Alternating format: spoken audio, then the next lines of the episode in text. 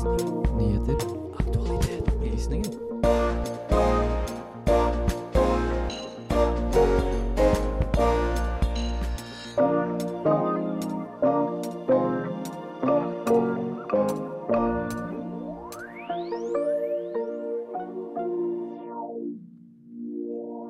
Det er ni atommakter i verden. Av disse finnes det både demokratier og diktaturer. Men finnes det ikke en sammenheng mellom regimetype og et behov for å skaffe seg atomvåpen? Du har kanskje sett restaurantarbeiderne på Olivia streike for tariff, men hva er tariff egentlig? Hvordan endte PepsiCo, selskapet bak bestselgeren Pepsi Max, opp med å ha den sjette største militære flåten i verden?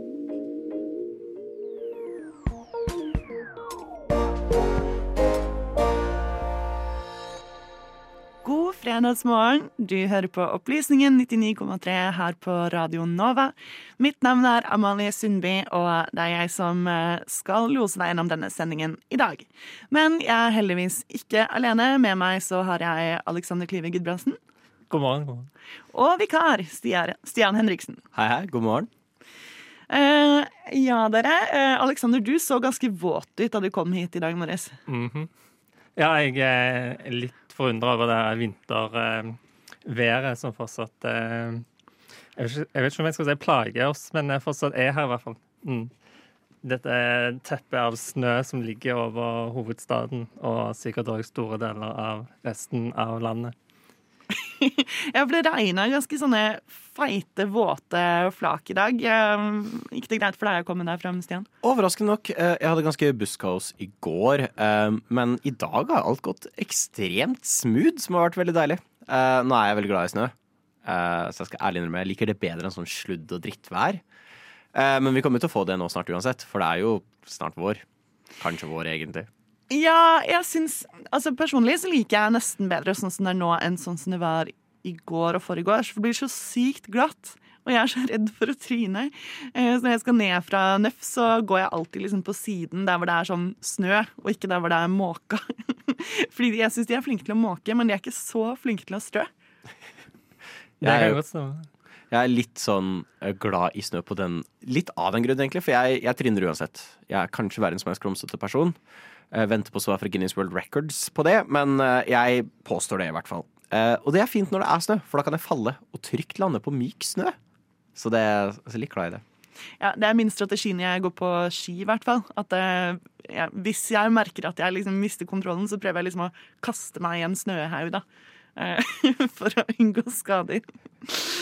Yes. Men uh, vi skal uh, um, videre i sendinga. Snart så skal vi se på hvordan styreformen i et land skal påvirke om de har behov for atomvåpen eller ikke. Men uh, først så skal vi høre på litt musikk. Her får du Synne Sørgjerd og låta 'Jeg har blitt en ho'. Der fikk du altså Synne Sørgjerd og 'Jeg har blitt en ho'. God dag og god fredag. Hjertelig god fredag morgen. God morgen, god morgen, god morgen og god morgen. God morgen og velkommen til Opplysningen, Radio Nova sitt samfunns- og aktualitetsmagasin. Med opplysningen 99,3 på øret, ja, da blir det en god fredagsmorgen. Opplysningen 99,3 hver fredag fra 10 til 11 på Radio Nova. Under låta Stian, så fortalte du at du hadde kjøpt deg to nye filmer som du gleda deg til å se. Ja, stemmer, stemmer. Jeg kjøpte meg Godzilla fra 2014 og Shin Gojira fra 2016.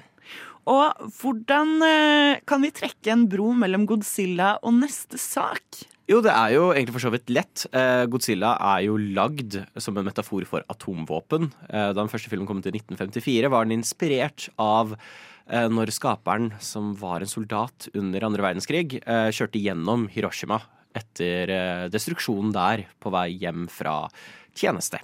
Der fikk han inspirasjon til Godzilla. Ja, og Stian, du har jo vært i Hiroshima. Eh, Hva slags inntrykk fikk du derfra? Uh, utrolig Det er den peneste byen jeg tror jeg har vært i noensinne. Uh, du skulle ikke tro uh, hva som har skjedd der, bortsett fra at du innimellom eh, veldig sjeldent plutselig ser en gammel eh, bygning som skiller seg helt ut, og så er det en sånn plansje som står, og, og hvis Alle har vel kanskje sett A-bombedomen, som er dette bygget som sto nesten rett ved atombomben, eh, som det bare står skjelett igjen av. Eh, og vi var jo innom museet eh, som jeg tror har kanskje den beste åpningen på et museum noensinne. Eh, jeg tror det het Fredsmuseet.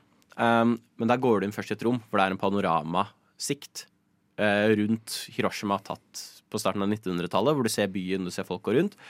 Og så er det et nytt bilde i neste rom eh, som er tatt etter eh, da Little Boy eh, traff eh, byen. Eh, og det er bare destruksjon. Og du bare ser utover en ødemark eh, i denne neste panoramaet. Jeg tror du ser sånn to-tre bygninger som står i anførselstegn. Eh, det, er, det er en spesiell opplevelse. Det er vanskelig å se for seg hvor grusomt atomvåpen egentlig er, til du står og ser på eh, A-bombedommen. Det er et sånt punkt hvor du det, Noe inni deg knekker. Og det er vanskelig ikke bare begynne å gråte over det. Um, så i min mening, hvis du er en som er veldig opptatt av krig og eh, urettferdigheter og grusomheter, så er det et sted nesten alle burde dra. eh, for å virkelig få inntrykk av eh, ødeleggelseskraften til disse grusomme våpnene. Ja, du fortalte at eh, på det, dette fredsmuseet så var det et lys. Eh, kan du si noe mer om det? Ja, stemmer. Eh, Det står eh, en liten slags statue hvor det er et gasslys, tror jeg det er. En sånn flamme som brenner. Eh, Og poenget med den flammen er at den skal brenne til alle atomvåpen i verden er borte. Da skal den slokkes. Det er på en måte et håp da, om at en dag så kan vi bli kvitt atomvåpen. Ja, eh, i eh, dag så har vi da, som eh, Helena rapporterer, ni atommakter. Um, og eh, Helena forsøker jo i sin sak å gå litt inn på hvorfor noen um, land føler at de trenger å ha atomvåpen. Um, fordi, ja, som Japan sier, holdt jeg på å si, da. Hvis, all, hvis ingen har det, så er vi jo litt tryggere, men eh, det er kanskje ikke så lett å gi slipp på det hvis ikke de andre også gjør det. La oss eh, høre hva Helena har å si om saken. Det finnes nå over 13 000 atomvåpen på jorden i dag. Og halvparten av jordens befolkning lever nå i land som oppbevarer atomvåpen eller er med i en atomvåpenallianse. Denne trusselen atomvåpen utgjør, gjenspeiler en mer og mer usikker verden. Og slik situasjonen er nå, så finnes det ni atommakter i verden. Russland, Kina, USA, Storbritannia, Frankrike, India, Pakistan, Israel og Nord-Korea. Et spørsmål som jeg har lurt på, er om det finnes en sammenheng mellom en regimetype og deres anskaffing av atomvåpen. Det finnes jo både demokratier og diktaturer som har og utvikler atomvåpen. Både USA og Storbritannia, som er demokratier, har det, og land som Nord-Korea, som er et diktatur, har også det. Men er det ikke slik at diktaturer har lyst på mer atomvåpen enn andre? Det trenger ikke være sånn at alle diktaturer vil skaffe seg atomvåpen. Det kan jo hende at det er én spesifikk type diktatur som har lyst på det mer enn andre. Fordi det som er viktig å få klart, er at det finnes ulike typer former for diktaturer. De kommer i forskjellige typer fasonger, rett og slett. For eksempel så har Kina hatt et veldig partibasert diktatur i mange år. Altså der det er et ett spesifikt parti i landet som har hatt makten. Og flere land i Midtøsten har hatt autoritære monarkier, der makten tilhører et monarki i landet. Et annet eksempel på en type diktatur er et personalistisk diktatur. Nord-Korea med Kim Jong-un er et godt eksempel på dette. Men hva er et sånt personalistisk diktatur? Jo, det er altså regimer hvor all makten i landet ligger hos én person. Det er én leder som tar avgjørelsene og kan bestemme alt selv. Og det som er interessant med denne typen diktatur, er at det faktisk finnes en sammenheng mellom et personalistisk diktatur og deres anskaffelse av atomvåpen. Så hvorfor har et personalistisk diktatur større sannsynlighet for å ville ha atomvåpen? Det finnes to grunner til dette. For det første vil ledere av personalistiske diktaturer føle seg svært truet. Det sier seg selv at hvis man er den eneste lederen av et diktatur, vil man ha mange fiender. Lederen er avhengig av å ha makten til landet, og hvis man mister makten, vil man mest sannsynlig dø eller komme i fengsel pga. forbrytelsene man har gjort. Å ha atomvåpen er en måte å sikre seg selv fra dette og faren for invasjon. Vi ser jo det nå, at USA mest sannsynlig ikke har lyst til å invadere Nord-Korea med tanke på deres atomvåpen. Å bygge opp et atomvåpenprogram er en måte diktatoren kan sikre sin makt, og en måte å bygge opp militæret sitt på. For det andre så har personalistiske ledere svært lite begrensninger. De har all makten, og ingen sier imot dem. Det er ikke som et demokrati, der det institusjonelle begrenser autonomien og lederens muligheter. I et personalistisk diktatur er det bare én som bestemmer. Pga. disse personalistiske regimene utgjør det en trussel mot internasjonal fred og sikkerhet. Politikerne i verden bør fraråde ledere å samle for mye personlig makt. Disse funnene konkluderer med at vi bør fortsette å være mistenksomme overfor land som Irak, Libya, Syria og Nord-Korea. Spesielt Nord-Korea, som med suksess har utviklet et atomprogram, som gjør det nå vanskelig for land å gripe inn pga. deres frykt for atomvåpenkrig. Reporter i denne saken var Helena Skrøder. Musikken var hentet fra Blue Dot Sessions og lydklipp fra freesound.org.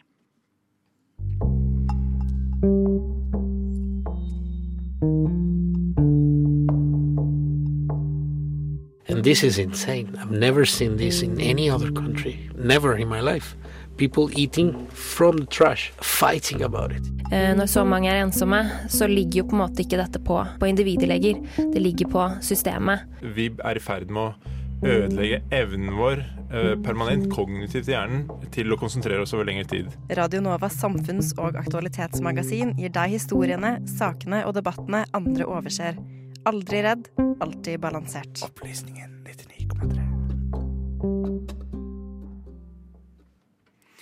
Vi skal snakke litt om fagforeninger her på Radio Nova. Eh, Alexander, eh, hva er ditt forhold til fagforening? Um, jeg har ikke noe nært personlig forhold til fagforeninger, egentlig. Um, det er vel mest noe jeg skjønner fra nyhetene, tror jeg, og, og lærebøker og den slags.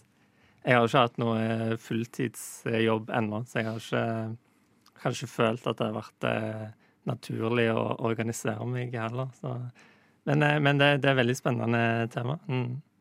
Ja, fordi jeg tror ganske mange, eh, spesielt studenter og eh, andre som er i veldig lavtlønnede yrker, da, kan jo tenke at fagforening er dyrt. Jeg husker da jeg var student, så hadde jeg en 30% stilling, eh, og så vurderte jeg å melde meg inn i fagforening, men jeg tror de skulle ha sånn 300 i måneden eller noe sånt.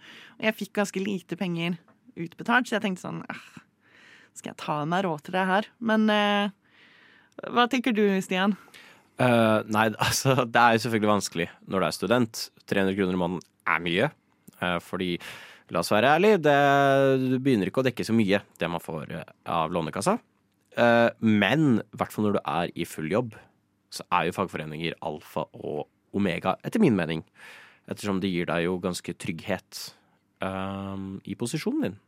Ja, hva, hva er det egentlig fagforeningen kan gjøre for oss?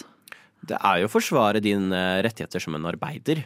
Um, nå som vi er, går inn i en æra med større og større eh, selskaper, såkalte megacorporations, uh, så er det bare å ta en titt mot USA og se på en måte hvordan tilstanden er der. Og hvordan mange arbeidere eh, Det var vel en reportasje nå for litt siden, ta det med en klype salt. Jeg har ikke kilden på det liggende i hodet. Hvor jeg tror det nesten var snakk om at for å kjøpe et sted i USA nå, så må du basically ha fem eh, gående jobber eh, med inntekt. For der ligger vel minstelønna på 7 dollar, 7,5 dollar.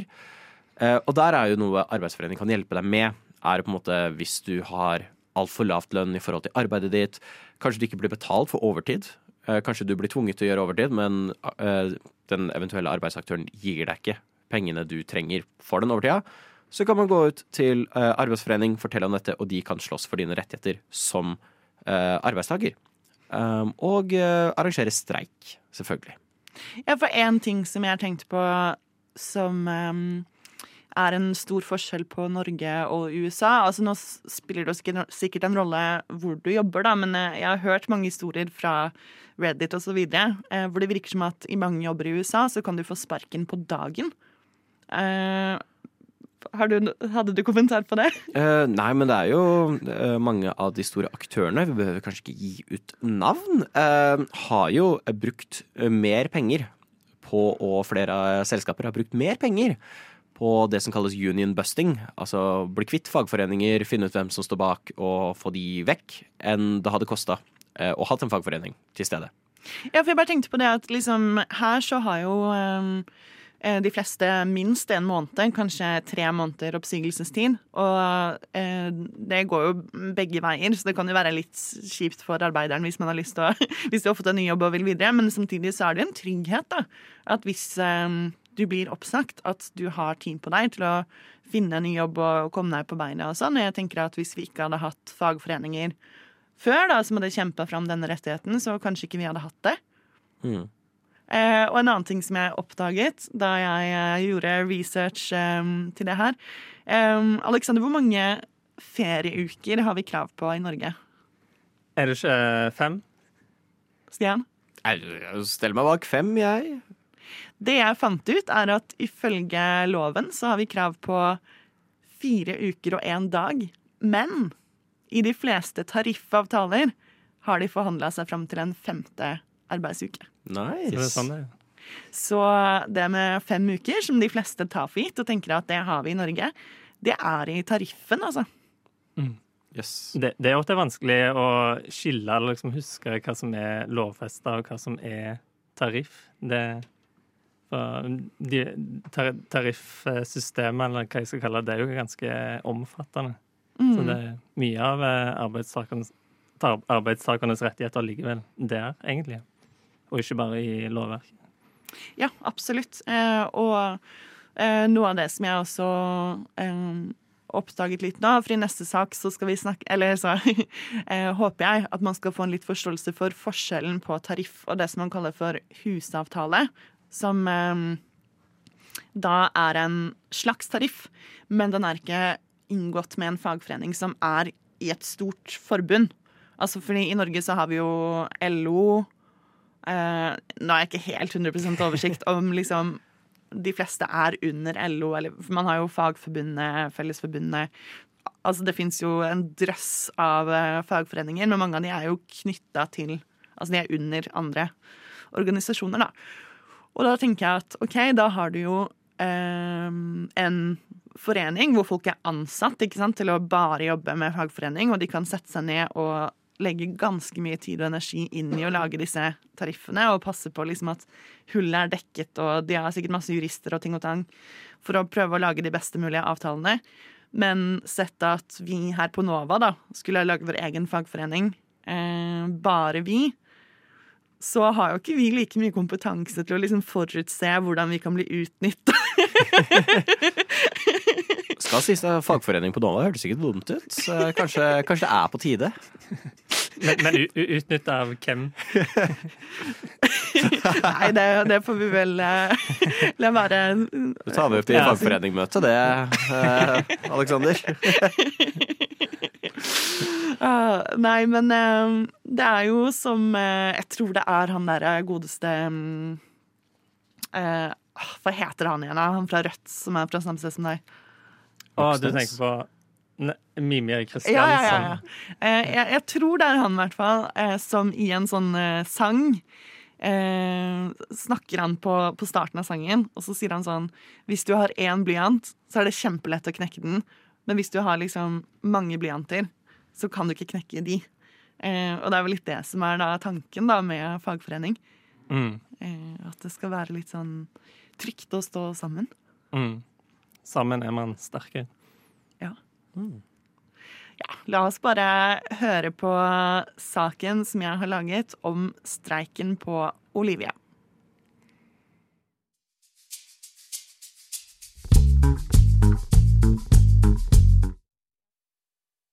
Så det er jo åpent, men vi vil jo helst at folk skal vise solidaritet og gå et annet sted og spise. Siden 15. februar har flere ansatte ved restaurantkjeden Olivia streiket utenfor lokalene i Hegdehaugsveien i Oslo. De står med gule vester, deler ut løpesedler og holder opp skilt. På det ene skiltet står det 'Tut for tariffavtale'. Men hva er egentlig tariff?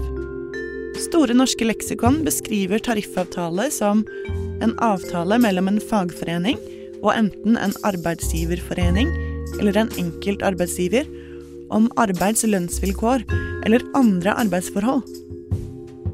Tariffavtaler handler altså ikke bare om lønn, men regulerer også andre arbeidsforhold, som arbeidstid, skiftarbeid og overtidsarbeid, oppsigelsesfrister, ferie, pensjon, permisjoner, medbestemmelse, permittering, arbeidsklær med mer. For å forstå mer om konflikten mellom Olivia og de ansatte, tok jeg turen ned til restauranten for å snakke med streikevaktene. Mitt navn er Lillian Knutsen Frimann. Eh, Jeg jobber i avdeling 10 i Fellesforbundet. Hvorfor står du her utenfor eh, Olivia i dag? Medlemmene våre står her for oss. De streiker for en tariffavtale. Kan du forklare litt hva tariff er for noe? Den er bygd opp eh, med at eh, LO og NHO har lagd en avtale sammen, som er arbeidstaker og arbeidsgiver. Så det er bygd opp på en avtale som er lønn, overtid, ferie, at du får betalt for eh, sko, bukser, vasking av uniformer. Hvis du skal flytte, så får du en dag lønna. Hvis du må til legen, så får du lønn for det. Tannlege. Ja, så den er bygd opp på veldig forskjellige måter. da. Og så har du hovedavtalen, som er for eh, arbeidsgiver og tillitsvalgt. Hvordan bedriften skal samarbeide sammen med tillitsvalgt, og bedriften skal samarbeide, da. Men er det spesielt for eh, servicebransjen, eller gjelder dette alle bransjer? Det er vel stort sett alle bransjer, men de fleste er jo medlem av enten NHO eller Virke. Men jeg har lest noen intervjuer forbindelse med den saken her, og da sier jo ledelsen at eh, de fleste ansatte vil ikke ha tariff. Eh, Har du noen kommentar på det? Det er vel noe de har funnet opp i sitt hode, fordi de fleste, når vi spør dem, de som ikke er medlemmer, eh, om de virkelig ikke vil ha tariffavtalen, så sier de jo jo, vi vil jo ha den, for den er jo mye bedre enn husavtalen, men de vil ikke stå ute og streike da, og kanskje få et dårlig rykte overfor ledelsen. Så dette med husavtale, hva er det for noe? Eh, Noen bedrifter har jo en egen husavtale som de føler er eh, bra for bedriften. eh, Sånn at de slipper alle lønningskostnadene da, som en tariffavtale det, blir jo dyrere å ha en tariffavtale. Men i bunn og grunn så skal man jo få det man har krav på i arbeidslivet. Men hvorfor er en tariffavtale dyrere? Nei, for du har jo også AFP-en du må betale for. Eh, og så har du jo det at eh, Olivia kjører ikke ansiennitet, eh, og ikke får det i tillegg for om du har fagbrev. Og det tariffavtalen går på ansiennitet og fagbrev. At du får høyere lønn ut ifra det. Hovedforskjellen på en tariffavtale og en husavtale er altså at tariffavtalen er mellom arbeidsgiver og en fagforening som er tilsluttet et forbund eller hovedorganisasjon. Mens en husavtale er med en fagforening som bare organiserer ansatte i én bedrift. Når de ansatte på Olivia sier de vil ha tariffavtale, mener de at de vil ha Fellesforbundets tariffavtale. Altså de samme vilkårene som andre medlemmer i andre bedrifter. Hvor lenge har dere streika? Fire uker. På tirsdag var vi inne på øh, mekling igjen, fordi etter fire uker så kaller jo Riksmekleren inn på tvungen mekling igjen for å se om er det noen løsning her. Eh, Vi kommer jo ikke til enighet, men vi skal jo fortsatt møte Olivia igjen og prøve å forhandle så vi får denne avtalen i boks. Men eh, vi medlemmene og vi er jo villige til å stå her så lenge vi orker, vi. Og det tariffavtale blir det, uansett. Reporter i denne saken var Amalie Sundby. Musikken er hentet fra Blue Dot Sessions. Olivia har blitt presentert for kritikken som kommer fram i dette innslaget, men har valgt å ikke svare. Nå skal du få en eh, låt av meg, eh, 'Kniv og gaffel' med Kaching. Det var Gaspard som sang 'Må jeg alltid bære min egen kropp'. Du hører på Opplysningen Opplysningen. Opplysningen. Opplysningen. Opplysningen Opplysningen. hver fredag mellom klokken 10 og 11. På Radio Nova.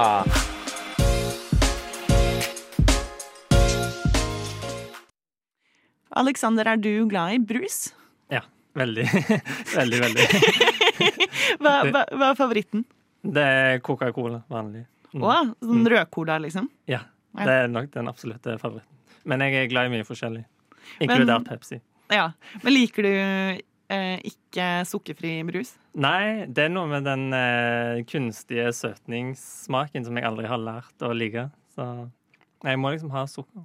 Ja. Selv om det kanskje ikke er så sunt, men Nei, Så lenge man ikke drikker det for ofte. Nå ser du ikke du har noe problem med vekta, men man kan jo alltids passe på tennene sine. Ja, det er sant. Det, jeg burde kanskje tenke litt mer på det, men Hva med deg, Stian? Nei, i motsetning til Alexander så ser man jo tydelig at jeg har et problem eh, med sukkerfri eh, brus. Eh, jeg er litt enig eh, at jeg syns sukkerfri er best. Min personlige favoritt, eh, som er året rundt, er Coca-Cola. Eh, Fight Me. Um, min absolutt favoritt er um, selvfølgelig den ekte, virkelig Nå skaper jeg stor debatt her. Lillehammer og Hamars julebrus. Beste brusen. Uh, og ingen kan si noe annet til meg. Det som er litt funny, er at min familie vi er ikke en julebrusfamilie. Vi er en julemustfamilie. Har, Mm. har dere Ah, drukket liksom. julemust? Ja, jeg jobbet er- på Ikea tidligere, og der selger vi sånn Eller vi solgte eh, sånn eh, svensk julemust. Mm, så jeg smakte det. Hva syns du om det? Mm, jo, det er godt, men det, det er en ganske karakteristisk smak, syns jeg. Så, ikke noe jeg greier å drikke for mye av, men jeg, setter pris på smaken. jeg må si det. Det er ikke Lillehammer og Hamar. Eh, Det, det er det ikke, ass. Nei, men det er liksom Jeg syns det smaker på en måte en slags blanding av rødcola og øl, men på en god måte. Ja, det er, du er det er mulig, det. det er, har ikke drukket det så mye. Uh, juletida mi går med på som, en sånn, eh, som et ekorn som samler nøtter eh, for vinteren. Så går det med å hamstre så mye julebrus som overhodet mulig. Um, så hvis du er legen min, uh, jeg håper ikke du hører på. Men det, det har gjort at jeg på en måte ikke har noen Jeg har ikke noe standpunkt i hele julebrusdebatten i det hele tatt. Har du, Aleksander? Ja, jeg, jeg mener absolutt at det jule, ekte julebrus er rød. Eh, brun julebrus vis, jeg, jeg vet ikke om jeg visste at det eksisterte engang før jeg var så å si voksen. Jeg føler, jeg føler det er veldig sånn østlandsk. Jeg kommer jo ikke fra Østlandet, jeg kommer fra Vestlandet. Mm. Og der det er rød julebrus som gjelder. Så hvis noen lurer på hva som kommer til å skje etter sending, så skal jeg Alexander vrestle ute i snøen om eh, hva som er riktig julebrus. Fordi som sagt, fight me. Jeg tar utfordringen. Men jeg, jeg støtter deg på cola, i hvert fall. Coca-Cola er den beste, Mhm. uh, syns jeg. Eh, men Coca-Cola stiller litt dårlig på militærfronten. Eller er det bare jeg som syns det? Jo da, eh, de har jo ikke opparbeida seg en veldig stor militær militærflåte, akkurat. Um, eh, vet dere om noen andre brusselskaper som kanskje stiller bedre? Mm, jeg har jo Vi har jo snakket om Pepsi Where's My Jet. Ja. Um, som vi hadde sett på Netflix. Ja, Netflix. Ja. Uh, og der var jo Pepsi ganske bastant på at de ikke hadde mulighet til å gi denne stakkars stakkars ungen som bare ønsket seg et jagerfly. Det var ikke mye å be om. Ønsket seg bare en Harrier Jet som kosta 128 millioner dollar. Det er jo ikke mye å be om. Stakkars. Eh, men slik jeg har skjønt, som du har fortalt eh, meg, Amalie, så, så var det kanskje ikke for mye å be om fra Pepsi? Nei, eh, det var kanskje ikke det. Eh, fordi det viser seg jo at eh, Pepsi har jo hatt tilgang på det vi kan kalle militærfartøy. I hvert fall Ja. før. Eh, og nå skal vi høre eh, mer om det fra reporter Lise Benus. Er det én ting vi er gode på her i Norge, så er det å drikke Pepsi. Vi her i Norge drikker faktisk så mye Pepsi Max at vi alene står for 9% av det totale salget av drikkevaren.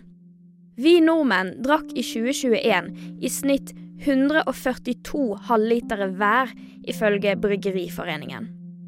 Men det er ikke bare vi i Norge som er glad i denne kullsyreholdige drikken. Sovjetunionen var så ivrige på å få Pepsi Cola inn i landet at PepsiCo endte opp med å ha en militær flåte som var den sjette største i hele verden. Hvordan kan dette ha skjedd? Det hele startet under den kalde krigen i 1959. Daværende amerikanske president Dwight Eisenhower og den sovjetiske lederen Nikita Khrusjtsjov ble enige over en avtale om kulturell utveksling. Sovjetunionen ønsket gjennom denne avtalen å starte handel med USA, mens Eisenhower ønsket å vise fram den amerikanske kulturen til borgere i Sovjetunionen for å vise fordelene med kapitalisme.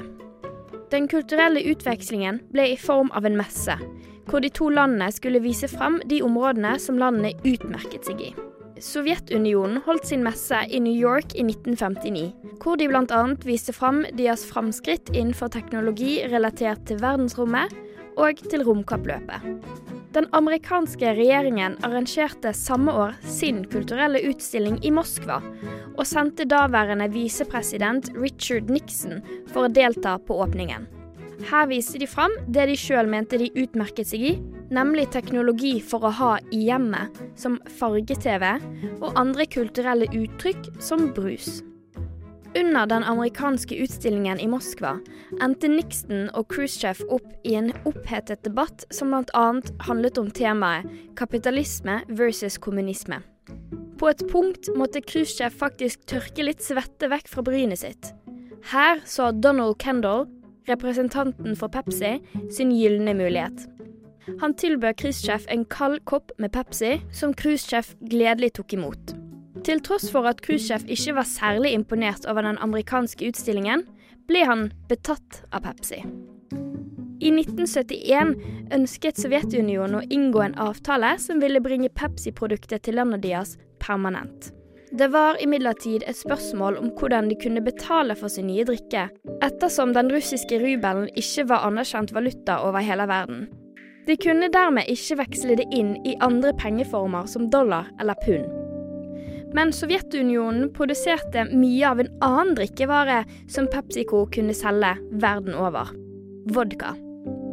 Sovjetunionen ga PepsiCo rettighetene for distribusjon av vodkamerket Stolichnaya. Da denne avtalen var spikret, ble Pepsi det første vestlige produktet for salg i Sovjetunionen. Denne handelsavtalen holdt i 20 år. Men på et punkt innså PepsiCo at salget av vodka ikke lenger gjorde opp for mengden Pepsi som ble drukket i Sovjetunionen. Det var tid for en ny handelsavtale. Så i 1989 endte sovjeterne opp med å byttehandle til seg Pepsi ved å gi selskapet PepsiCo en flåte med ubåter og militært fartøy. Denne avtalen inkluderte 17 ubåter, en krysser, en fregatt og en destroyer. Den kombinerte flåten hadde en verdi av 3 milliarder dollar. Denne historiske handelsavtalen førte til at Pepsi ble det sjette mektigste militæret i verden. Men det var bare en kort periode. PepsiCo solgte flåten videre til et svensk selskap som skrapte den for gjenvinning av materialet.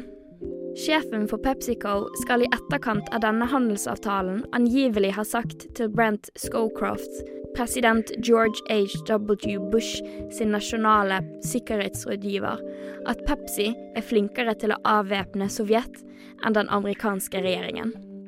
Så neste gang du åpner en halvlitersflaske med Pepsi, husk det er et lite stykke historie du har i hånden din.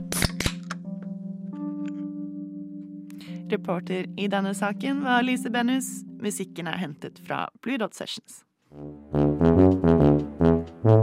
Du, Sander? Ja? Hvorfor har du blitt så smart i det siste? Jeg vet ikke, jeg spiste epler og havregrøt. Og så har jeg hørt på opplysningen, da. På Radio Nova. Ja, dere. Eh, nå begynner det å nærme seg helg. Det var på tide. Sier man helg på din dialekt, Stian? Helg, ja. Ja. Ja, det er helg, kjerke, elg Er det Drammen? Nei, nei, nei. nei, nei, nei, nei, nei, Nittedal. Nittedal. Men på din dialekt så sier man ikke helg, for dere har ikke den retroflekse flappen. Nei, det er vel helg. Jeg sier rett ut. Hva var det du kalte Retrofleksflapp. Det, er den L-en som er sånn l. øl. og så, ja, fordi jeg har nemlig hengt meg opp i en ting. man snakker jo om tynn og tjukk L. Mm. Men på min dialekt, og sikkert på din også, så har vi jo tre L-er. Ikke sant? Lampe, ball, helg. Jeg sier ball. Ja, ball, Ball. ball. Men det er ikke den samme L-en som du har i lampe. Lampe. Jeg tror det. Nei, det er ikke den samme. ok, ok. Jeg lover deg. Den er grei.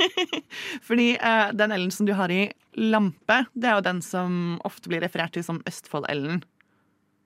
Ikke sant? Nei, jeg- Lampe, ball La, la, lampe, ball Lampe. Lampe. Nei, det er den retroflekseflappen. Er Så på din dialekt, eh, Alexander, så har vi nok bare det som vi kaller for en apikal L, som er den som vi har først i lampe. Men jeg, jeg støtter nå at vi skal begynne å si lampe. Jeg, jeg, lik, jeg likte den. Er det, er det noen som sier det? Nei. Jo, kanskje på Toten. Falafel skal jeg spise spise. Oh, ja. Nei, forresten ikke på Toten. Glem det. Sorry, alle toninger.